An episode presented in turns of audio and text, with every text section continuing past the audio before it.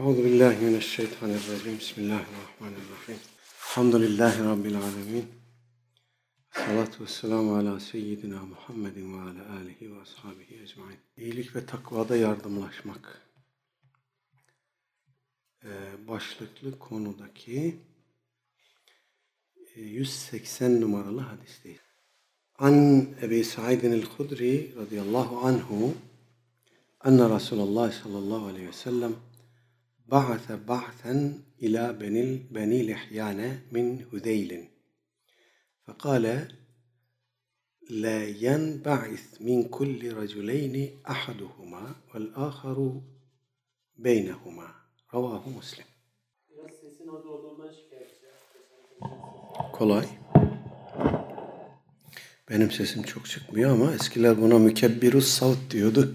Sesi büyüten Evet, mükebbirus savt. Evet, e, İmam Müslim rahimehullah nakletmiş Ebu Said el-Hudri radıyallahu anh diyor ki enne Resulullah sallallahu aleyhi ve selleme ba'athe ba'then ila beni lihyane min Hüzeyl. Aleyhissalatü vesselam Efendimiz Hüzeyl kabilesinin Lihyan oğulları koluna bir eee seriye göndermiş. Bir müfreze, bir e, birlik göndermiş. Fekale buyurmuş ki yenba'is min kulli raculeyni ahaduhuma her iki kişiden biri e, cihada gitsin. Vel ecru beynehuma o iki kişiden birisi Medine'de kalacak, öbürü e, cihada gidecek. Eee cihada gidenin kazandığı ecir kadar Medine'de kalan da ecir kazanacak. Burada bize anlatılmak istenen şu, e, cihada gidenler geriye aileleri, malları, mülkleri, çoluk çocukları bunları bırakıyorlar. Bunlara da işte o geride kalan kardeşleri e, sahip çıkacak.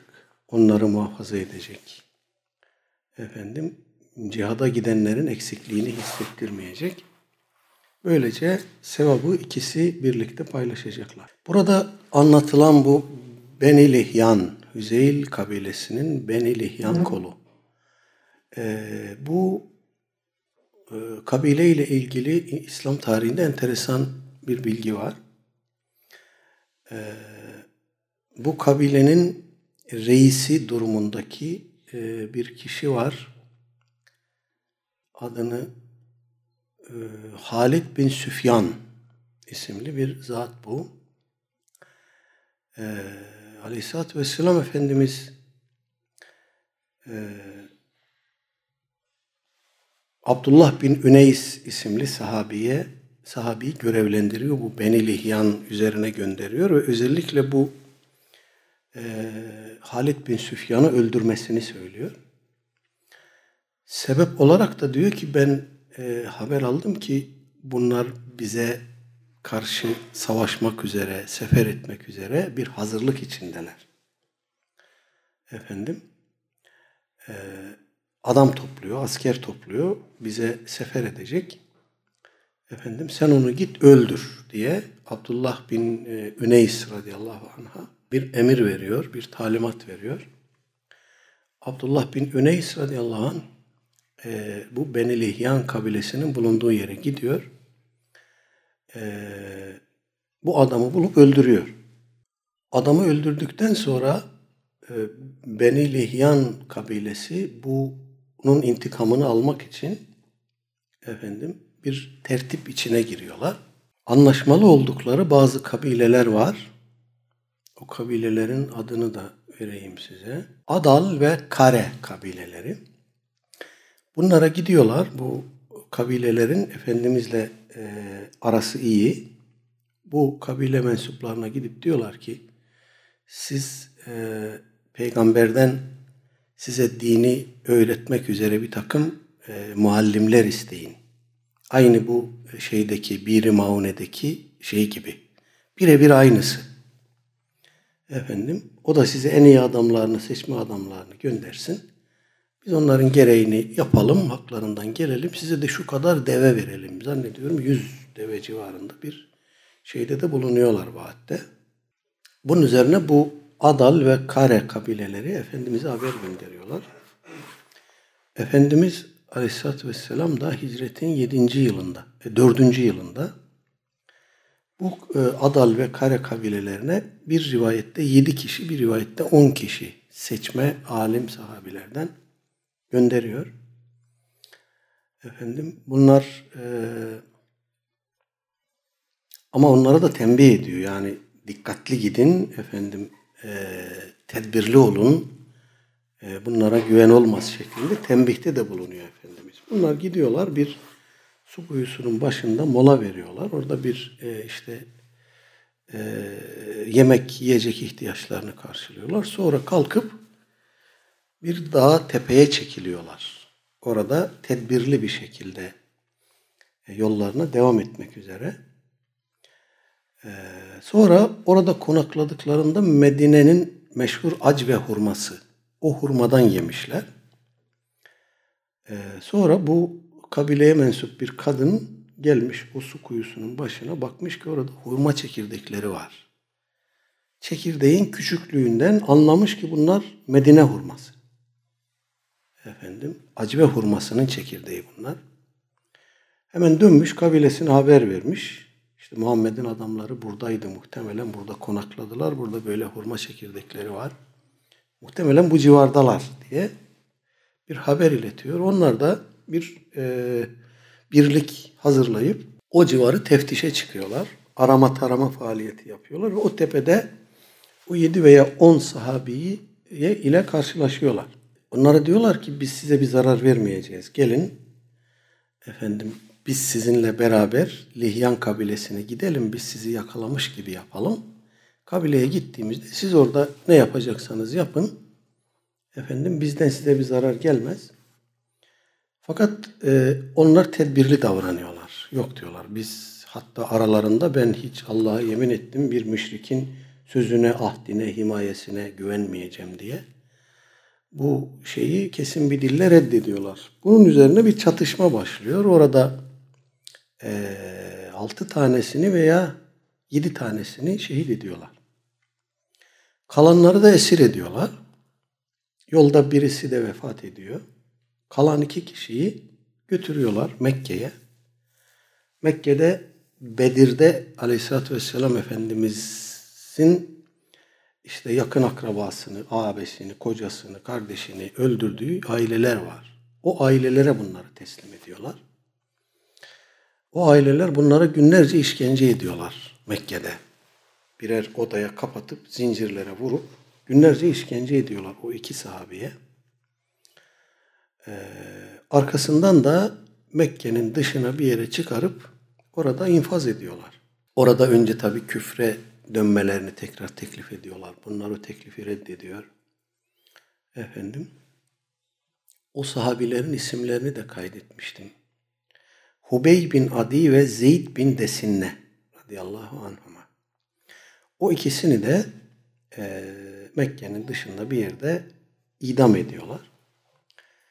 Efendim, e, bu haber Aleyhisselatü Vesselam Efendimiz'e ulaşınca e, bizzat kendisinin komuta ettiği bir askeri birlik hazırlıyor Efendimiz ve Lihyan oğulları kabilesinin üstüne gidiyor. Onlar bunu bekliyorlar böyle bir şey tabi ve dağlara kaçıyorlar. Efendimiz orada zannediyorum 7-8-10 e, gün kadar o kabilenin bulunduğu coğrafyada kalıyor. Sağa sola işte gözcüler gönderiyor, askerler gönderiyor falan ama bunlardan bir ize rastlayamıyorlar. Orada bir 8-10 gün kaldıktan sonra tekrar Medine-i Münevvere'ye avdet ediyorlar. Bu rivayetin anlattığı durum e, hangisidir? Her iki kişiden biri çıksın şeklindeki bu şey. Aleyhisselatü Vesselam Efendimiz e, zannediyorum 100 veya 200 kişilik bir birlikle intikam almak için gitti ama kimseyi bulamadı. Ee, burada iki kişiden biri cihada gitsinden kasıt her ailedeki iki kişiden biri midir? Her kabileden biri midir? Tam olarak bu e, ifade neyi anlatıyor? doğrusu ben kesin bir şey veremedim. Hüküm veremedim. Bu çok büyük bir şey değil, bir seferberlik değil. Yani Tebük'te olduğu gibi mesela büyük bir e, seferberlik değil. Fakat buna rağmen iki kişiden biri cihada gitsinden kasıt e, iki arkadaş aralarında anlaşsınlar. Biri cihada gitsin, öbürü ailesine baksın şeklinde midir? Allahu alem ben kesin bir e, neticeye varamadım. Burada üzerinde durmamız gereken bir nokta daha var. E, birisi cihada gidecek. Bu iki kişiden birisi geride kalacak ve onun ailesine, malına, mülküne sahip çıkacak.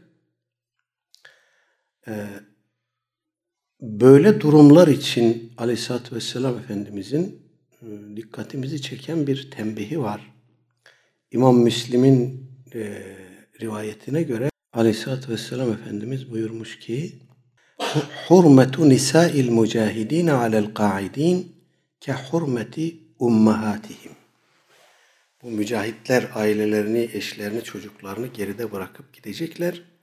Geride kalanlar da onlara sahip çıkacak. İşte o geride kalanlar için cihada gidenlerin aileleri onların anneleri gibidir buyurmuş Efendimiz. Onların anneleri onlara nasıl haramdır? Aynı hürmet bu cihada gidenlerin orada bıraktığı eşleri için de bahis konusudur buyurmuş Aleyhisselatü Vesselam Efendimiz.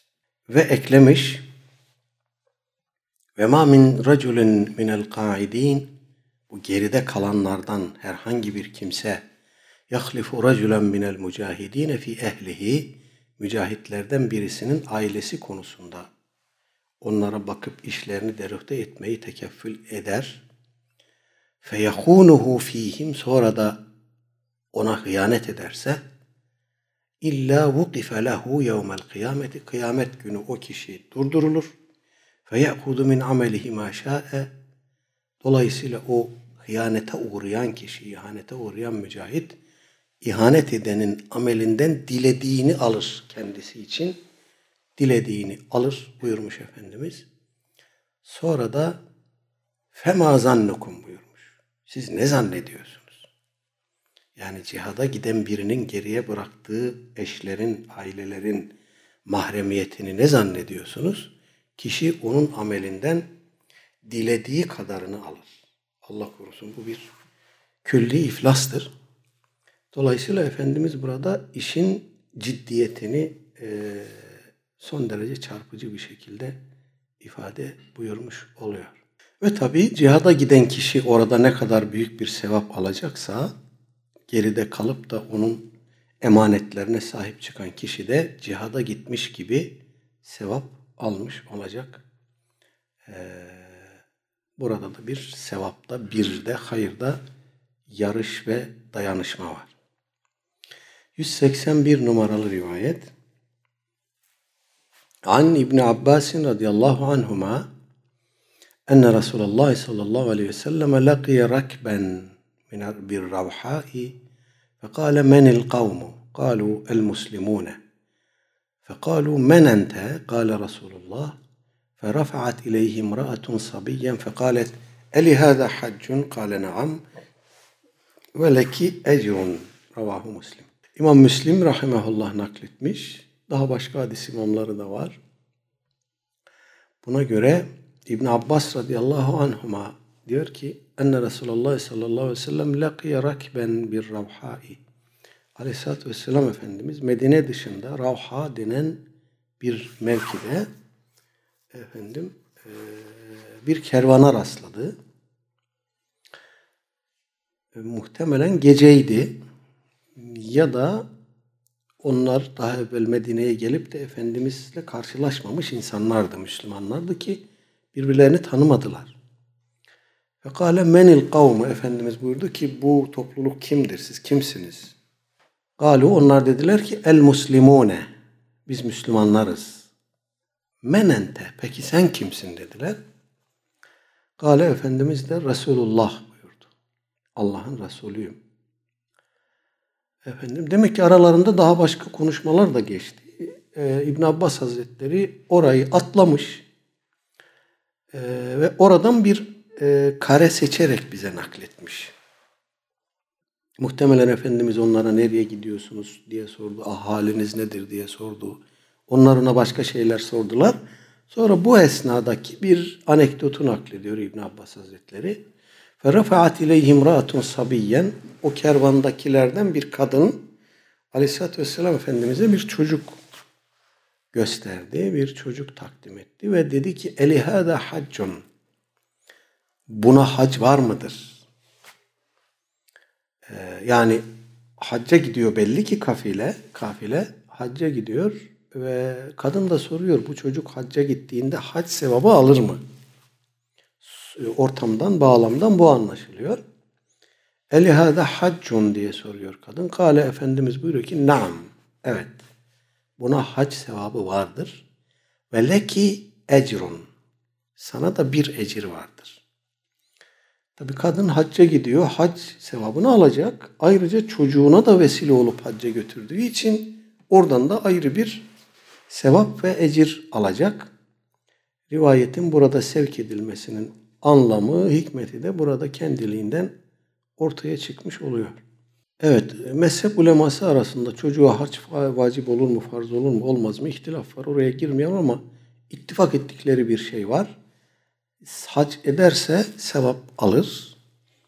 Bir diğer noktada onun haccına vesile olan, onu götüren, ona rehberlik, mihmandarlık eden kimse de aynı e, hac e, ibadetinden sevap alır. Evet 182 numaralı rivayet. An Ebi Musa el-Eş'ari radıyallahu anhu anin nebi sallallahu aleyhi ve sellem ennehu kal الخازن الخازن المسلم الأمين الذي ينفذ ما أمر به فيعطيه كاملا موفرا طيبة به نفسه فيدفعه إلى الذي أمر له به أحد المتصدقين متفق عليه ve fi rivayetin ellezî yu'ti ma umire bihi. İmam Bukhari ve Müslim rahimahullah müttefikan rivayet etmişler. Ebu Musel Eş'ari radıyallahu anh Efendimiz Aleyhisselatü Vesselam'ın şöyle buyurduğunu nakletmiş. El hazinul muslimul eminu. Kendisine bir e, kasa emanet edilmiş Müslüman biz buna muhasebeci diyelim, biz buna yedi emin diyelim, biz buna e, kahya diyelim efendim. E, vekil harç diyelim. Yani birisinin mali işlerini emanet ettiği kimse. Ellezî yuneffidu ma umere bihi kendisine emrolunan şeyi icra eden, infaz eden, yapan Müslüman güvenilir e, vekil harç. Ee, her kim bu durumdayken feyu'tihi kamilen muvafferen tayyibeten bihi nefsuhu emrolunduğu gibi vermesi gereken kişiye, ödeme yapması gereken kişiye, kişilere neyse e, gönülden bunu bir vazife bilerek, rızayla ve tam olarak vermesi gerekeni verirse efendim eee ahadul mutasaddikin bu kimse tasadduk edenlerin nafile, infak ve tasaddukta bulunanların birisi olur. Yani e, esas mal sahibi değil, tasaddukta bulunan mal sahibi bu onun adına iş yapıyor. Onun adına onun gösterdiği yerlere malını dağıtıyor tasadduk adına. Bunu yaparken gönülden yapıyor, rızayla yapıyor işini aksatmadan tam anlamıyla yapıyor ve e, vermesi emrolunan kişilere ve yerlere veriyor. Yani bir emanet e, hassasiyeti içerisinde yapması gerekeni yapıyor. Bu kişi de malını tasadduk eden gibi sayılıyor ve onun sevabı gibi sevap alıyor. Bir rivayette ellezî yu'ti ma umire bihi ifadesi biraz değişik bir lafız gelmiş sonuç ve anlam değişmiyor. Emrolunduğu şeyi veren kişi anlamında. Buradan bir şey anlıyoruz. Ee, bir kişinin malına emanetçi kılındık, muhasebeci kılındık. Birisinin adına bir iş yapmaya vekil tayin edildik. Bunu yüksünmeden bir ibadet heyecanıyla efendim gönülden davranarak yaparsak tasadduk etmiş gibi sevap alacağız. Yok bunu bir vazife bilip efendim insanlara e, sert davranıp asık suratlı muamele edip efendim e, aslında hiç hakkı yetkisi olmadığı halde kendine oydan oradan bir e, kibir, bir enaniyet çıkartanların da tam aksine bir mahrumiyete mazur kalacaklarını söylemek yanlış olmaz. Çünkü sen emanetçisin. O malın başına konuldun, sen onu tevzi edeceksin, dağıtacaksın. Efendim, burada insanlara zorluk çıkartma, güçlük çıkartma. Şimdi e, sosyal yardım kuruluşlarımız var. Devletin de eskiden Fakfuk Fon denen bir teşkilatı var değil mi? Bir birimi var. Oradan fakirlere e, yardımlar yapılıyor. Zaman zaman kulağımıza geliyor. Bu sosyal yardımlaşma ve dayanışma fonu zannediyorum adı böyle. Buralara başvuran insanlar, gariban aileler, başlarına bir hal gelmiş, ne bileyim, evlerinde bir hırsızlık olmuş, yangın olmuş, işte hayvanları kaybolmuş filan. Buralara başvuruyorlar. Devlet bunlara hak tanımış. Gerçekten mağduriyetlerini ispat ederlerse bunlara devlet oradan ödeme yapıyor. Kulağımıza geliyor zaman zaman öyle iş yokuşa sürülüyormuş ki bu komisyonlarda. Efendim adamlara 40 dereden su getirmelerini istiyorlarmış adeta. Zaten adam mağdur olmuş, halini arz etmiş, ispat da etmiş, şahidi de var. Devletin bu işler için ayırdığı bir tahsisatı bu insanlara vermekte niye bu kadar bahil davranırsınız, cimrilik edersiniz, işi yokuşa sürersiniz? Anlaşılır bir şey değil. Onu gönül hoşnutluğuyla yapsanız ibadet sevabı alacaksınız. Zaten işiniz de bu. İşinizi yaptığınız için sevap alacaksınız ama insanlara yaptığınız bu zorluk, çıkarttığınız bu meşakkat sizin vebal hanenize yazılır. Buna da dikkat etmek lazım. Burada bir bahsi bitirmiş olduk. İmam Nevevi merhum gene adeti ve çile burada ayeti kerimeler zikredecek birkaç tane. Efendim ilk ayeti kerime Hucurat suresinin hepimizin bildiği 10. ayeti. İnnemel mu'minune ihvetun. Müminler ancak kardeştir. Ayeti kerimede el mu'minune ihvetun buyurulmamış. Müminler kardeştir buyurulmamış. Bu sıradan bir ifade olurdu. İnnema bizim hasredatı dediğimiz bir edatla bir vurguyla gelmiş bu. İnnemel mu'minune ihvetun. Müminler ancak kardeştir. Ya da ancak müminler kardeştir. Kardeşlik ilişkisi tesis ediyor Cenab-ı Hak. Bunu da bir e, duruma, bir kitleye, bir e, kesime hasrediyor. Burada bir inhisar var.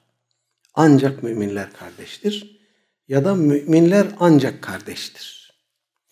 Bu diğer insanlardan bizi ayıran bir hasır gibi anlaşılabilir. Ya da bizim kendi aramızdaki ilişkimizin nasıl olması gerektiğini tayin eden bir vurgu olabilir. Siz hasım değilsiniz, siz düşman değilsiniz, siz rakip değilsiniz, siz ancak kardeşsiniz. Aleyhisselatü Vesselam Efendimiz de öyle buyurmuş ya, Ey Allah'ın kulları, kardeş olun. Kunu ihvana. Ey Allah'ın kulları, kardeş olun. Evet yani bu Kur'an'da sünnette yapılan bu kadar vurgu bu müminlerin özel durumuna Cenab-ı Hak nezdindeki hususi mevkiine yapılan bu özel vurguya rağmen e, tarih bunun kapsayıcı bir biçimde bir kardeşlik olarak sadece asr-ı saadette ancak yaşanabildiğini bize anlatıyor. Ondan sonra ihtilaflarımız, efendim menfaatlerimiz, ayrışmalarımız devreye giriyor ve ayrışıyoruz. Önemli olan burada e, asgari müştereklerde birleşen insanların ya da asgari müşterekleri olan insanların o müşterekleri muhafazada, geliştirmede birleşmesi, birlikte hareket etmesi. Efendim, e, bu olduğu zaman Cenab-ı Hak bize bereket veriyor işimize.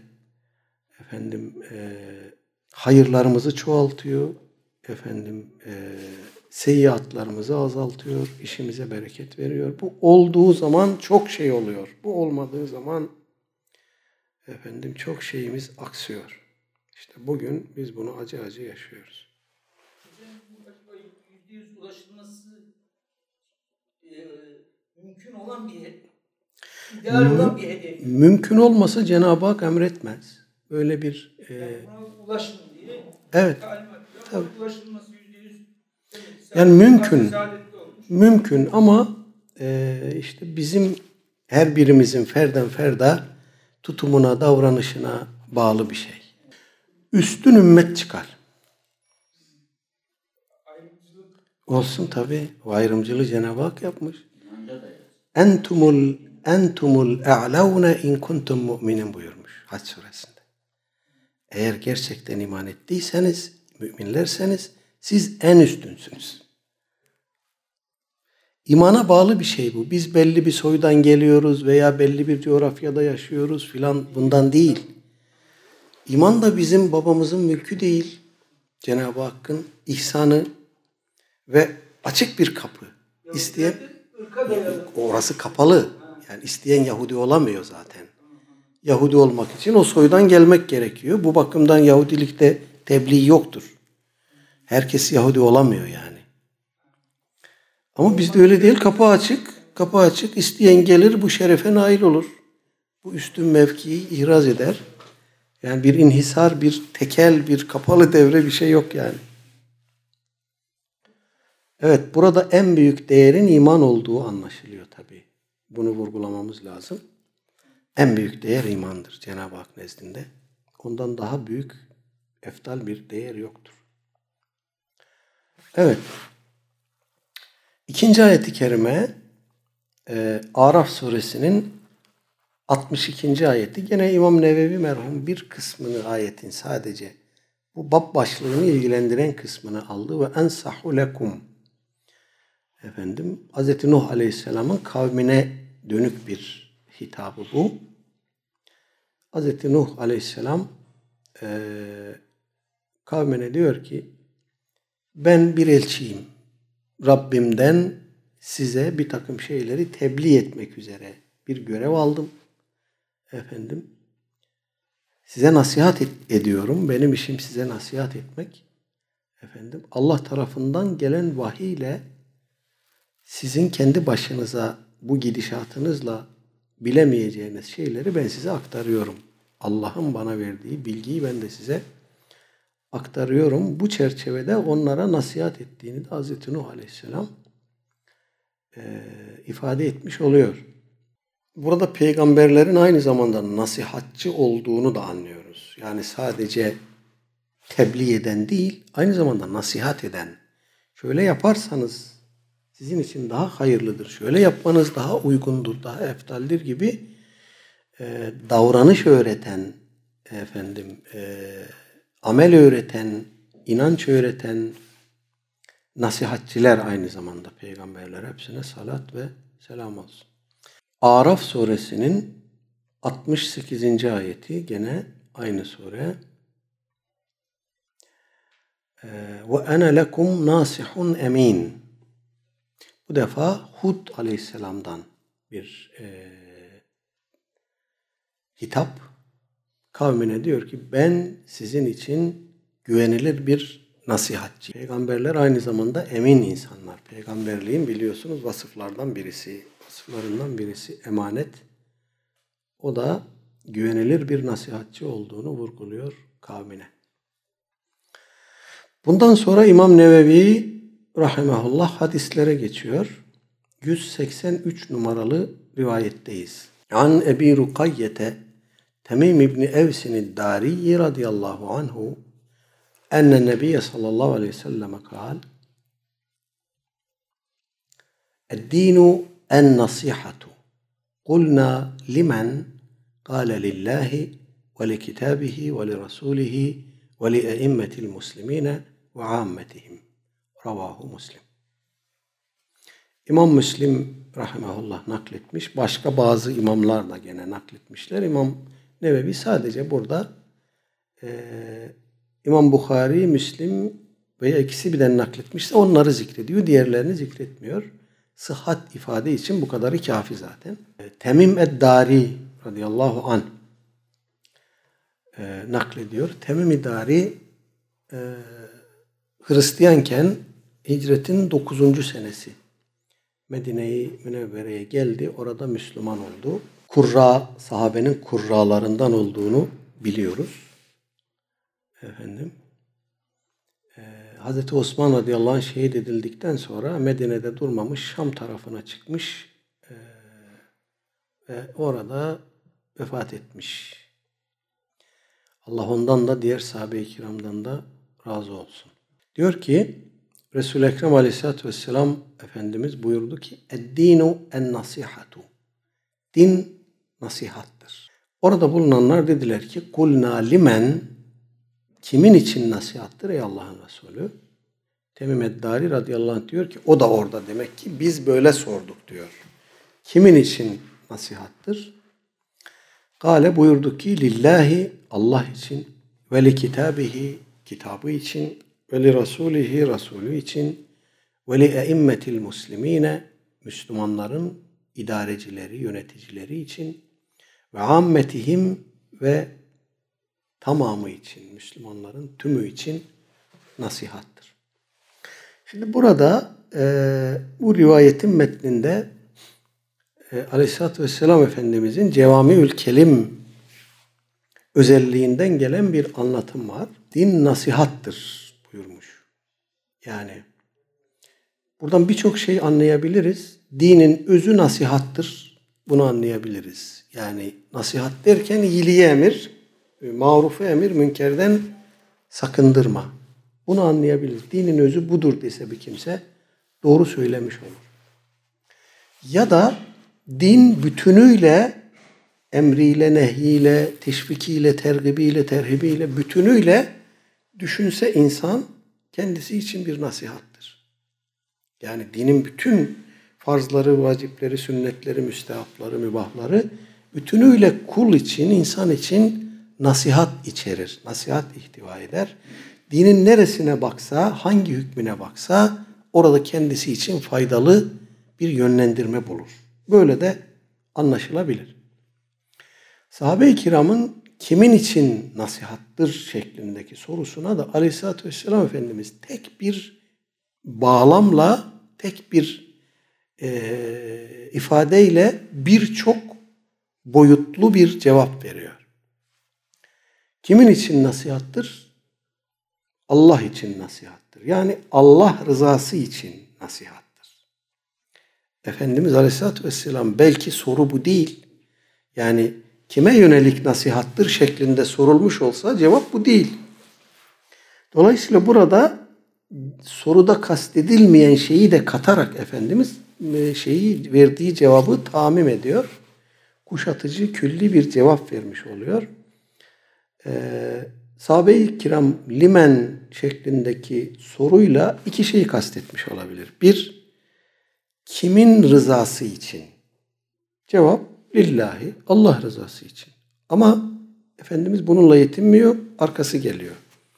Ya da sahabenin sorusu şu anlamda olabilir. Kime nasihat edeceğiz? Buradaki lam harfinden her iki şey de çıkar.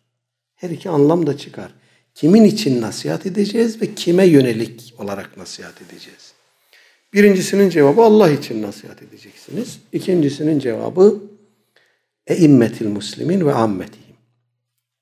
Dolayısıyla buradan verilen cevabı ikiye ayırarak e, bir netice çıkarabiliriz. Birincisi Allah rızasını gözeterek onun kitabı ve Resulü tarafından öğretilen şekilde nasihat etmek. Birincisi bu. İkincisi de e, muhatap anlamında Müslümanların imamlarına ve e, geri kalan tamamına nasihat. Bu cevapla Aleyhisselatü Vesselam Efendimiz aynı zamanda nasihatın ahlakını, ilkelerini de belirlemiş oluyor. Bu demektir ki nasihat edeceği zaman bir Müslüman bir başkasına nasihat edeceği zaman bir, önce Allah rızası için nasihat edecek. İki, Allah'ın kitabında ve Resulünün sünnetinde belirtildiği şekilde onları esas alarak nasihat edecek. Üçüncüsü kime nasihat edecek? Burada da soru gene iki şıklı, iki daha doğrusu aşamalı olarak verilmiş. Öncelikli olarak Müslümanların yöneticilerine. Rivayet bize diyor ki Müslümanların tamamının nasihata ihtiyacı var ama önce yöneticilerin ihtiyacı var. Efendim, buradan ümmetin e, tamamına yönelik bir farz-ı kifaye çıkıyor.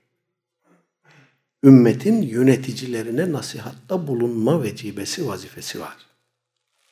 Bunu ümmetin tamamı tabii ki yapmayacak, yapamayacak.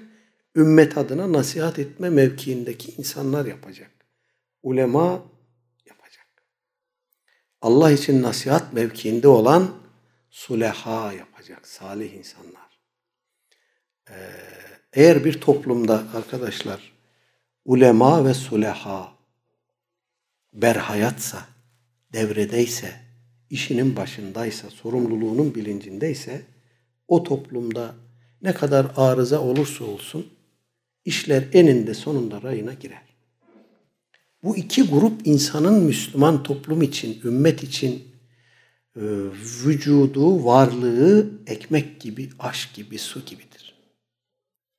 Yani ümmetin devleti olmayabilir, ümmetin askeri olmayabilir, ümmetin ekonomisi çökmüş olabilir.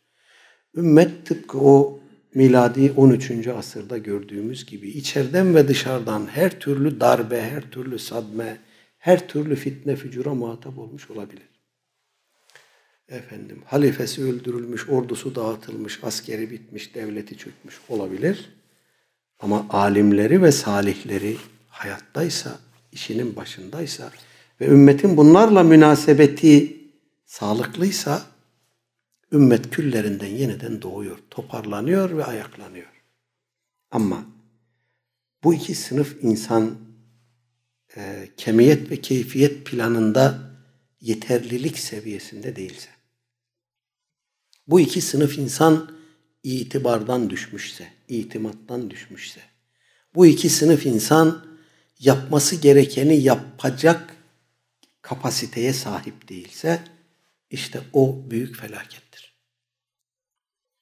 O zaman bu ümmete, başta bu ümmetin yöneticilerine kim nasihat edecek? Madem ki din nasihattır. O halde nasihatsız din düşünemeyeceğiz demek. Bir yerde nasihat yoksa, din adına nasihat yoksa, orada din adına ciddi bir boşluk var demektir. Din herkesin kendi bireysel hayatında, vicdanında, evinin sınırları içerisinde yaşadığı bir şey değil demek ki. Nasihat karşıdakine dönük bir süreçtir. Muhataba dönük bir eylemdir. Dolayısıyla Müslüman nasihatı ihmal edemez. Etmemelidir. E, fakat nasihatın da fayda etmesi için, sonuç getirmesi için bu saydığımız hususların, ifade ettiğimiz hususların yerli yerince olması lazım. Ümmetin bugününe bakarak bu konuda ne durumdayız? Çok kolay bir muhasebe yapmak mümkündür. Bu ümmetin Allah'tan başka hiç kimseden korkmayan, sadece Allah'ın rızasını gözeten ve yıkmak için değil, yapmak için, arızalandırmak için değil, tamir ve imar için, yapıcı tenkit, yapıcı eleştiri, yapıcı nasihat eden, bunu da hikmete riayetle yapan kadrolara ihtiyacı var. Arkadaşlar. Buna başta yöneticilerimizin ihtiyacı var. Ben hata yaparsam en fazla benim etki alanım sınırlıdır. Ailemdir, yakınımdır, çevremdir. Bunlar zarar görür. Ama devlet başkanı hata yaparsa bütün millet, bütün ümmet zarar görür. Ceremesini hepimiz çekeriz. Dolayısıyla başımızdaki insanların mümkün mertebe e, istikamet üzere yürümesi, mümkün mertebe istişareyle yürümesi, mümkün mertebe hatalardan korunarak, sakınarak yürümesi için çok ciddi bir istişare ve nasihat organına ihtiyaçları var. Bunu yaparlarsa hem kendileri için hem yönettikleri için büyük bir hayra imza atmış olurlar. Efendim tek adam yönetimi denen padişahlar döneminde, Osmanlı döneminde bile biliyorsunuz Divan-ı Hümayun diye bir teşkilat vardı. Danışırlar, danışırlardı, istişare ederlerdi. Efendim, bu ta Hazreti Ömer radıyallahu anh'tan bu yana resmi olarak devlet teşkilatı içinde yer almış bir müessesedir. Divan. Aleyhisselatü Vesselam Efendimiz dahi ve şavirhum fil emr emrine muhatap olmuş. Din konusunda onlarla istişare et. Ee, son zamanlarda bu modern dönemde buradaki istişareden demokrasi çıkartmak filan gibi garabetler de görüyoruz. İstişare başka bir şey. Demokrasi başka bir şey. Ee, modern dünyanın kavramlarına, kurumlarına, taleplerine, İslam'dan karşılıklar bulmak bu modern dönemde bir moda haline geldi. İstişare şura kavramının içinin boşaltıldığı ve muhtevasının değiştirildiği bir süreç de oldu bu aynı zamanda. Şura konusunda yazılan e, eserlere bakın neredeyse yüzde doksanı 95'i modern döneme aittir. Oysa bundan önceki devirlerde Müslümanlar yaklaşık 1300 seneden daha fazla bir dönem hilafetle ve saltanatla yönetildiler. Şuraya bu kadar vurgu yapan kitap görmedik biz bu uzun tarih boyunca. Modern dönemde Müslümanlar hilafetsiz ve devletsiz ama şuraya vurgu yapıyoruz. Sebebi hikmeti ne ola ki şurayı demokrasiyle eşitleyeceğiz aslında. Derdimiz bu. Oysa demokrasi başka bir zorlamayalım yani. Demokrasi kötüdür, şura iyidir anlamında söylemiyorum. Bu ikisi iki ayrı dünyanın iki farklı kavramıdır. Bunları aynileştirmeyelim. Bunları e, özdeşleştirmeyelim. Evet demokratik bir sistemde şura ayrı bir müessese olarak işler işletilir. Oradan bir hayır çıkar. Buna bir diyeceğimiz yok. Ama şura eşittir demokrasi derseniz oradan gayri İslami şeyler de çıkar. Ee, çıkması da gayet tabidir. Sonuçta e, bu bir halkı etkileme sistemidir. Demokrasilerde halkı kim daha güzel etkilerse, kim daha çok ikna ederse o kazanır. E, bu ülkede biz e, 12 Eylül Anayasası'nın %95'lerin üzerinde bir nispetle kabul edildiğini biliyoruz değil mi? Aradan 15-20 sene geçtikten sonra herkes lanetliyor bunu, tukaka ediyor, değiştirmeye çalışıyoruz.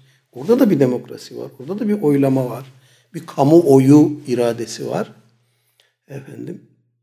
Dolayısıyla bu ikisi birbirinden farklı şeyler. Bunları birbirine karıştırmayalım. Bizim yapmamız gereken, ihya etmemiz gereken nasihat müessesesidir. Bunu hayata geçirecek olan şura ve istişare müessesesidir.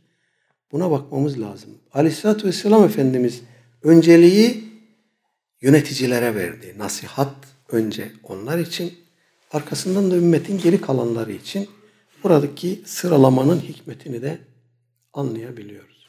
184 numaralı hadis. An Cerir İbni Abdillah radıyallahu anhu kal Baya'tu Resulallah sallallahu aleyhi ve sellem ala ikameti salati ve itaiz zekati ve nushi li kulli muslimin muttefakun aleyh.